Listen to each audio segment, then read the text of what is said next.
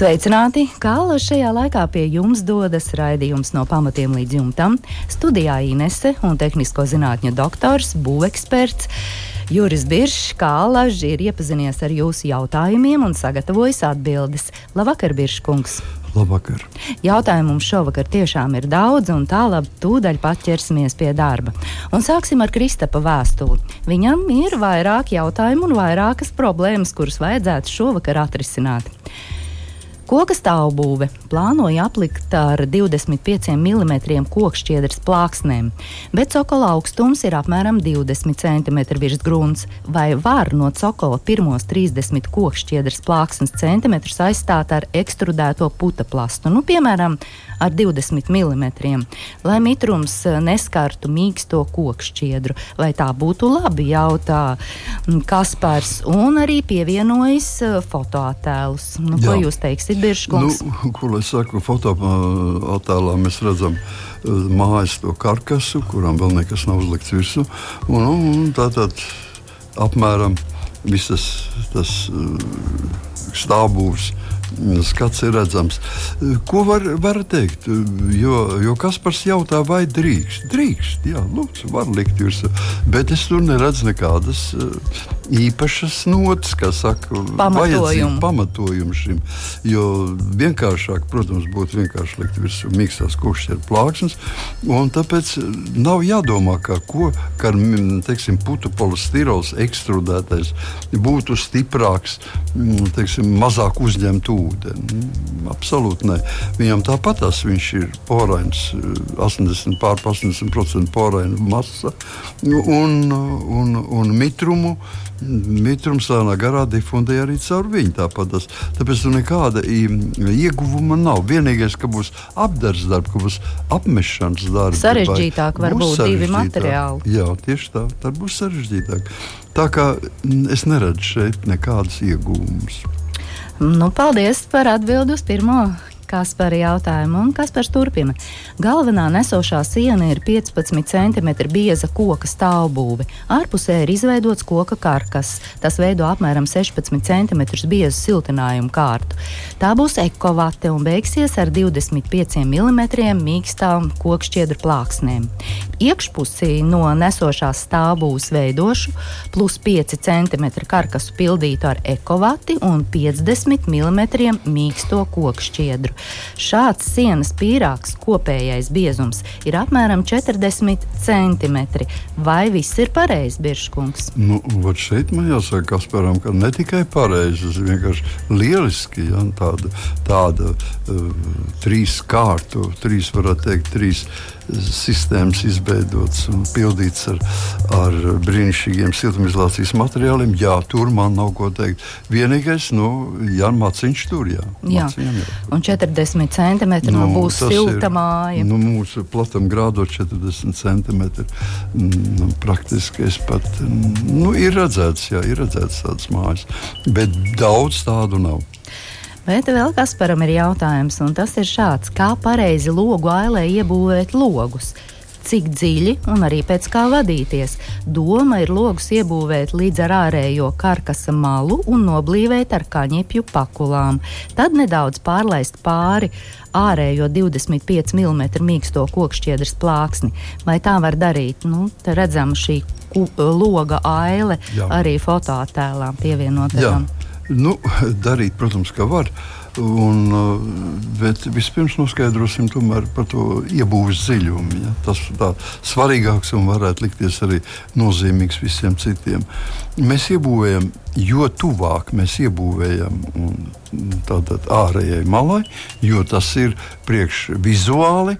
Vis, visvairāk gaismas ienāk iekšā, un, un, un tā tad tas būtu apsveicami. Bet ir viens bet. Tajā momentā, kad mēs būvējam, veidojās Nu, tā loks nav tik. Ja siena būs 40 centimetri, tad loks nu nekad nav 40 centimetri. Tad tas ir daudz, daudz īsāks, mazāks, plat, tas ir plānāks. Un, un tāpēc, ja mēs ņemam no loga iekšējās rāmja malas un 45 grādos velkam uz ārā, tad mēs redzam īsto attālumu, kuru var ieš, ie, iespiesties augstums. Un tas nozīmē, ka var veidoties tāda situācija, ka lokus izbīdīs tik daudz uz priekšu, ka mums sānos paliek augstuma tilti. Un augstums sāk strādāt aiz loga, tas ir iekšpusē, telpas pusē. Tas nav pieļaujams. Lai no šīs eh, situācijas iziet, mēs vienmēr rēķinām, cik tālu nu, mēs drīkstam aiziet, lai siltumizolācijas materiāls paliktu tik biezs kā viņš mums neko, nekāds ļaunums nedarītu. Bet es gribētu teikt, ka Kasparam šeit ir iespēja. Viņam ir kolosāla iespēja izdarīt savādāk, tādu saucamo modernu logu. Un modernais logs būtu sekojuši, ja viņi uztaisītu lielāku nekā aila. Uz, un piestiprinātu no ārpuses, visi no koka. Tātad ļoti vienkārši viņi var pieskrūvēt pie uz virspusē lielāku par par, šo, par šiem stāvbūves, nu, stāvbūves elementiem. Ja. Un, Un tad viņam tas viss tas siltinājums, kas nāks virpus, virspusē, viņš viss pienāk pie loga klāt. Un tur nav nekādas grūtības. Mums visu laiku paliek vienāda siltumizolācijas kārta. Un nekas nav jālaiž pāri. Nekas nav jālaiž pāri. Jā. Var, var arī, bet tas nozīmē, ka arī iepriekš jau jāpasūta lielāks lokus. Jā. Paldies, Biržkungs, par atbildi Kasparam. Kārlis raksta, Līvāna tipa mājai pirms pieciem gadiem uzlikām šindeļu jumtu, kurā tagad ir eh, parādās nevienmērīgas plaisas. Plaisas ir caurējošas. Esmu nobriedis šindeli nomainīt, raksta Kārlis. Vai drīkst uzkausēt uz vecā šindeļa bitumena apakšklāju un uz šī klāja sist jaunu šindeli? Vai tas atrisinās šo problēmu? Būs biezāks šindeļu klājums, vai tas tuvākos nu, 10, 15 gados neplaisās? Un vēl Kārlis jautā, nu, kāpēc veidojas šīs plaisas un ir pievienojis vairākus fototēlus. Jā, no plaisas ir eh, tas uh, fotoattēls, kas parāda tieši plaisu. Uh, nu, nav sevišķi raksturīgs un ir grūti nosakāms, kāpēc tieši tāds. Man ir aizdoms tomēr savādāk, kad būtu vienkārši jāuzzina no kāļa, kā ir, jeb kāds ir ventilējums šim jumtam. Tātad principā būtu nepieciešams gaiss pie pašobeles, pie jumta kastes, iet iekšā mm, telpā, ja, tātad pašu nu, bērniņa telpā ietikšu. Un pie kuras viņam jānāk ārā. Vienalga no kādiem materiāliem mēs nebūvētu, ne, neliktu jumtu, bet arī, ja mēs ar šindeļus liekam, tad šindeļu uzlikt uz OSB nu, plāksnēm. Zem šīm plāksnēm jābūt gaisa spraugai. Gaisa ieiet pie pašrobežas, trāpa šajā spraugā, Lai spraugu atdalītu no visas pārējās telpas, ir jābūt difuzijas plēvei, vai, ja jums ir kaut kāds otrs stāvs ēkas, tad tur ir speciāls spraugu atstāt. Ja jums šīs ēkas, Kārli, ir, Tad e, šīs spraugas, spraugas ir un gaisa cirkulē no pašobeles uz kori un nāk pie koras ārā. Tad man ir ļoti grūti izskaidrot, kāpēc veidojas plaisas. Un praktiski es teiktu, ka Tādā gadījumā drīkst arī izmantot to kā veco pamatni un būvēt virsū jaunu sekārtu. Bet, ja nav šīs ventilējušās kārtas, tad tas ir tas iemesls, kāpēc notiek šīs deformācijas. Un skatoties uz iesūtītajiem fototēliem, man tomēr liekas, ka vienā no tiem vismaz es redzu tādu kā tādus tālumā, it kā virs logiem, tādus it kā vilnīšus, ja, kas rāda to, ka jumta segums, šie bitumēna dakstiņi tiek pacelti vietām uz augšu. Un to cilā mitrums. Kad viņš pacilā? Tad, kad nav gaisa kad parādās mitrums no bērniem puses telpas. Tāpēc ir jāpārbauda šī jumta ventilācija. Skorē izskatās, ka viss ir kārtībā. Tur ir melna strīpa un liekas, ka tur viss ir, ir no jāpārbauda, vai viņš tiešām tādā veidā iet. Uh mhm. -huh. Jā, paldies par atbildi Kārlim. Pirmdienās, 7. vakarā Latvijas Rādio 2 celtniecības un remonta darbiem veltīts raidījums. No pamatiem līdz jumtam. Ar padomiem un atbildēm uz klausītāju jautājumiem Latvijas Rādio 2 studijā - tehnisko zinātņu doktors, būveksperts Juris Biršs. Un nākamo padomu Virša kungs ir gatavs sniegt mūsu klausītājai Ilonai. Ilona raksta, pirms sešiem gadiem nosiltinājām koka māju ar vati un uzklājām dekoratīvu apmetumu. Ziemeļpusē parādījās rozā nokrāsas plankumi, ar katru gadu tie kļūst lielāki un izteiktāki. Kas tas varētu būt un kāds iemesls un kā atrisināt šo problēmu? Jautāja Ilona. Jā, nu, precīzi pateikt, šodien visu uzreiz neredzot, un tā sakot, ar pirkstu neaptaustot, ir ļoti pagrūti. Bet uh, princips ir skaidrs. Tātad šajā siltumizolācijas materiālā tā ir ziemeļpuse, veidojas liekas mitrums. Šis liekais mitrums mēģina tomēr nākt uz ārpusi un pa ceļam viņš ejot cauri vatē, ejot cauri apmetumam. Nu, un saskaroties mitrā vietā, vienmēr mums ir pelējumi un bioloģiski aktīvs, aktīvs būtnes, sēnītes, un veidojas lūk šie rozā nu, teiksim, nevienmēr rozā viņas ir. Tas vairāk atkarīgs no apmetuma, varbūt no krāsojuma, bet arī rozā krāsā ir ļoti bieži pelējums, ļoti bieži rozā krāsā. Tāpēc tas varētu būt. Jautājums ir, kāpēc?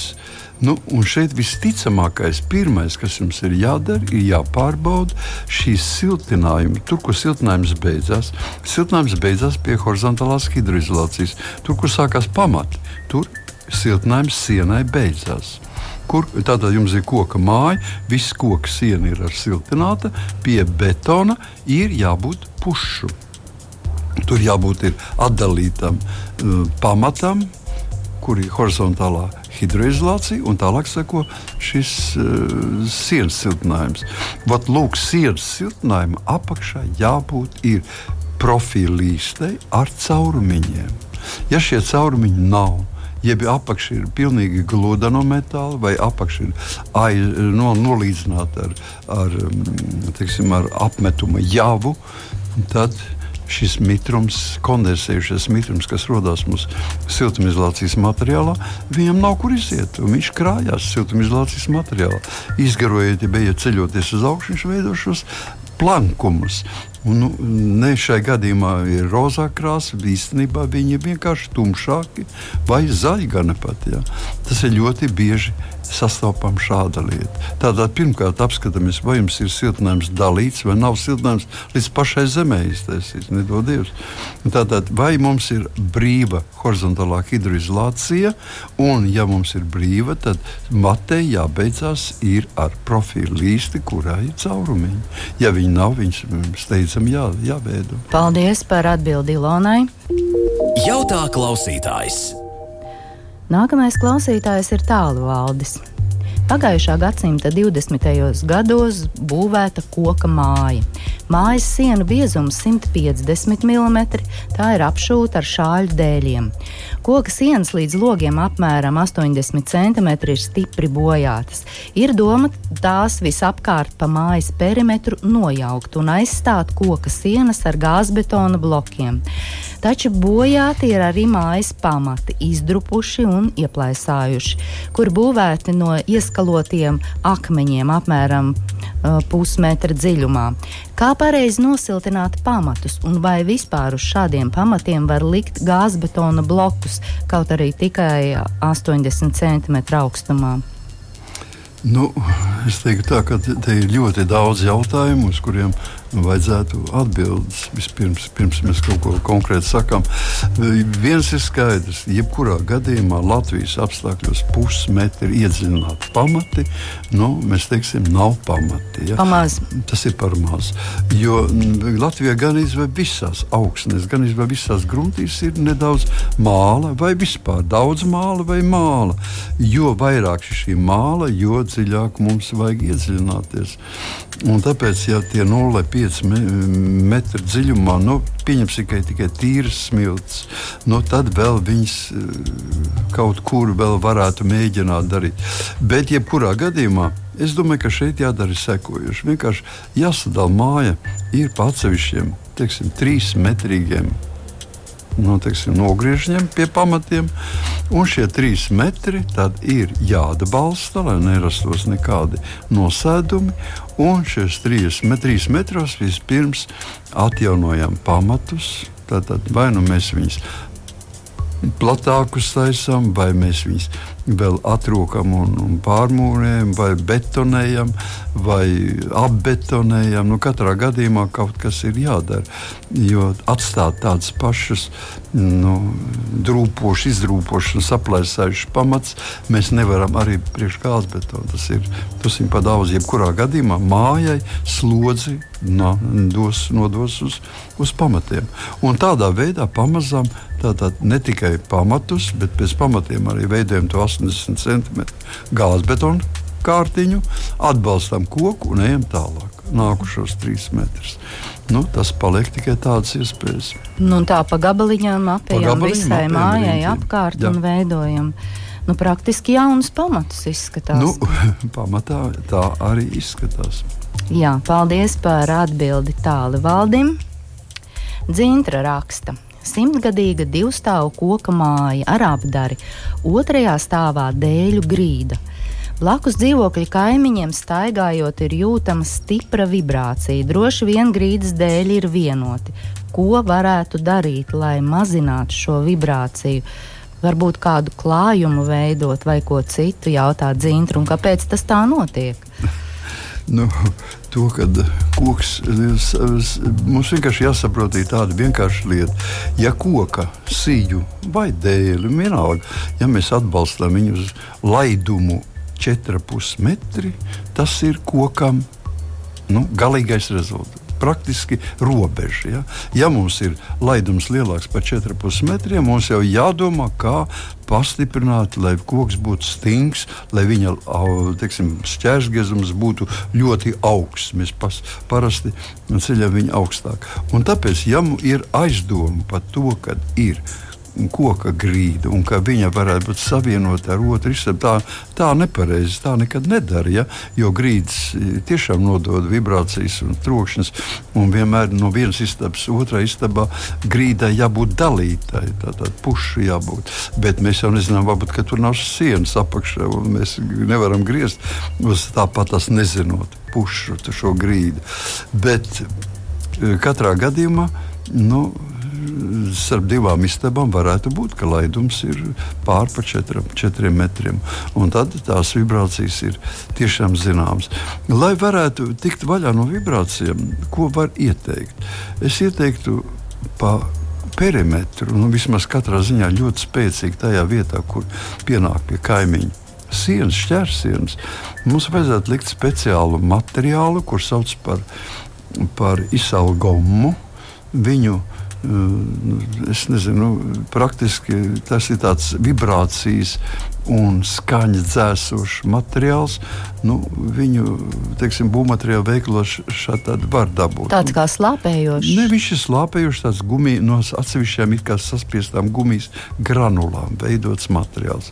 Īstenībā pats īstākais ir itāļu materiāls, izsalgoma. Un, uh, Un, teiksim, šāda tipa materiāli, kas ir uh, ruļveida materiāli, 5-6 mm biezumā, mēs viņu varētu uz, uzlīmēt uz šīs daļas, kas ir tuvas sienai, un uz viņas slīpi, nevis, nevis uh, perpendikulāri, bet slīpi 45 grādos, taisīt otru grīdu. Tātad Un īpaši, ja nu, tu atļauj, atļauj iespēju un istabas augstums, tad varētu vēl uz tās likt vēl 45 grādos uz otru pusi. Veidojas tāda slāņaina grīdas konstrukcija. Lūk, šie, šīs slīpumā saliktās, saliktie grīdas dēļi, viņi, kas balstās uz šīm skaņas slāpījušiem un vibrācijas slāpījušiem materiāliem, viņi spēs nu, kompensēt teiksim, tās kustības, ko dara caurējušais dēls. Tā kā tas ir diezgan sarežģīti. Protams, daudz vienkāršāk ir, ja mēs eh, komp, eh, kontaktējam ar kaimiņu, nu, un tad noskaidrojam, kas mums apakšā atrodas. Varbūt tur ir šķērsiena, un tas dēls iet pāri, un tad viņi var pārgriezt pušu, un ar to viss beidzās. Bet, ja viņu nedrīkst krist puša, tad Nu, tad abās pusēs veidojot skaņas izolācijas materiālu, un pēc tam uz tās veidojot zem 45 grādiem grīdu, mēs varam stingri samazināt. Jā, bet tiešām jūs jau teicāt, Biržs kungs, ka labāk būtu parunāt ar kaimiņiem. Acīm redzot, šī problēma arī viņiem pastāv. Nu, obligāti Noteikti. pastāv. Obligāti ja pastāv. šī grīda vienota ir. Jā, nu, tikai viņi ir pacietīgāki un tā tagad mm. piecieš to. Tāpat tas ne jau tikai kustība, ne jau tikai vibrācija, arī skaņa iet caur šiem dēļiem un tiek novadīta soļu troksnis, kas iet pa vienu istabu, pilnībā tiek nodots otrai istabai. Ja? Jums ir tāds iespējas, ka jums blakus iet kāds cilvēks. Nu jā, bet māja ir simtgadīga koka nu, māja. Mājas simtgadīgi tas nozīmē, ka nav nekāda plānēta dēļi, ka dēļi ir pamatīgi, bet eh, ir jāiz, jāapskata šī konstrukcija, uz kā tā balstās, uz kādu pamatu ir izdomāta šī šķērsiena. Tas ir man interesē. Uz ko viņa balstās. Viņa tiešām tikai tajos vecajos laikos, simts gadus atpakaļ, reti kad taisīja tikai šķērsienu uz apvienotas šādas eh, grīdas. Bet nu, droši vien paši jau to nevarētu saprast. Tad vajadzētu būt nu, ekspertu padomu. Nu, nu, vajadzētu vienkārši vienu būvniecību inženieru, kas apskāpj augšā un, un apskatās. Un apskatās un, pasaka, Jā, un paskatās, kas, kas ir lejā un paskatās, kas ir augšā. Mm. Un tad viņš var pateikt, vai tur drīkst viņu pārzāģēt to grītai vietā vai nedrīkst. Nu, mm. Vai jātaisa sarežģītas konstrukcijas. Jā, un no tā arī tālākie darbi. Jā. Paldies, Biržkungs, par atbildi Dzintrai. Un vēl viens jautājums, un to ir iesūtījis Roberts. Un varbūt uh, tas ir jājautā apkurs speciālistiem, ekspertiem, bet nu, mēs jautājumu nolasīsim, un Biržkungs iespējams jums arī būs savs komentārs. Uh, Kas eksploatācijā ir izdevīgāks - granulu katls vai siltumsūknis, gaisa ūdens? Ārsienu platība 210 km, no tiem logi 61 km, grīdas platība 190 km, griestu augstums 3,2 m. Sienas mājai ir 300 mm gāzbetons un 100 mm vate. Jā, nu, tā sakot, uzdevumu risināt, es tam netaisos. Jā, tam mums tā kā dusmīgi pat, pat raku būtu, bet no tiem, tiem cipariem, kas tika teikt, man krīt acīs logu. Uh, Kopa kvadrātmetri ir 61 kvadrātmetrs. Un grīdas platība 190. Dalām vienu ar otru. Mēs eh, nekādā gadījumā nedabūsim, nedabūsim skaitli 5. Ja? Tātad 190 dalīt ar 60. Nu, tur būs viens komats, ja, pat divi nesanāk. Un tas nozīmē, ka jābūt ļoti lieliem zudumiem caur logiem. Ja? Jo parasti attiecība viens pret pieci ir logu, logu kvadratūra, attiecas pret grīdu viens pret pieci, tad viss ir normāli. Ja, ja viņa nav viņa ir lielāka, tas nozīmē, ka sienām jābūt mazliet siltākām nekā parasti. Un tāpēc sienas jau nav slikti. 300 mm gāzbetons un 100 mm vate. Nu, liekas, ka tas ir laba. Attiecība, bet uh, tomēr jāpievērš uzmanība ārkārtīgi lielam logu, pla, logu platībai. Un tālāk mēs uh, skatāmies, kā mums ir ar šiem mm, no nu, siltuma siltum avotiem. Granulu katls un siltumsūknis, gaiss vai ūdens. Nu, tur ir dažādi jautājumi. Nu, es teiktu tā, ka redziet, jautājums ir vienkāršs savā, savā ziņā. Ja mēs pielietojam siltumsūkni, mēs domājam, kur mēs varam dabūt lētu vai bezmaksas elektrību. Tas nozīmē, liekam uz jumta virsmu elektroenerģiju nu, teiksim, šīs saules, saules baterijas, saules baterijas ja, kas ražo elektrību. Nevis karsē ūdeni, bet ražo elektrību. Un slēdzam klāt, tad mums siltumsūknis ir nu, spēj, bet tad viņš ir nu, izdevīgs. Ja? Tā mēs varam lietot. Ja mums jālieto siltumsūkņiem, ir, ir jāpērk elektrība klāt, tad šodien siltumsūkņi, gan gaisa, gan ūdens, nu, vēl nav tik pilnveidot. Tādā gadījumā varētu būt. Granulu katls atkal ir nu, visādā ziņā ļoti labi, ja ir šīs granulas. Bet eh, es pat teiktu, ka man ienāk tāda ģeķīga, tāda grēcīga doma galvā. Esmu redzējis daudziem, kas lieto granulu katlus, un granulu katlu, mm, ņemot par pamatu granulu katlu, dedzina graudus. Mm. Zemes kvalitātes, teiksim, graudus, kvīšus, miežus. Un eh, iegūms ir milzīgs, tāpēc ka trīsreiz lielāks siltums, pelnu arī trīsreiz mazāk, un, un tā automatizēšana ir daudz, daudz vienkāršāka. Un izmaksas?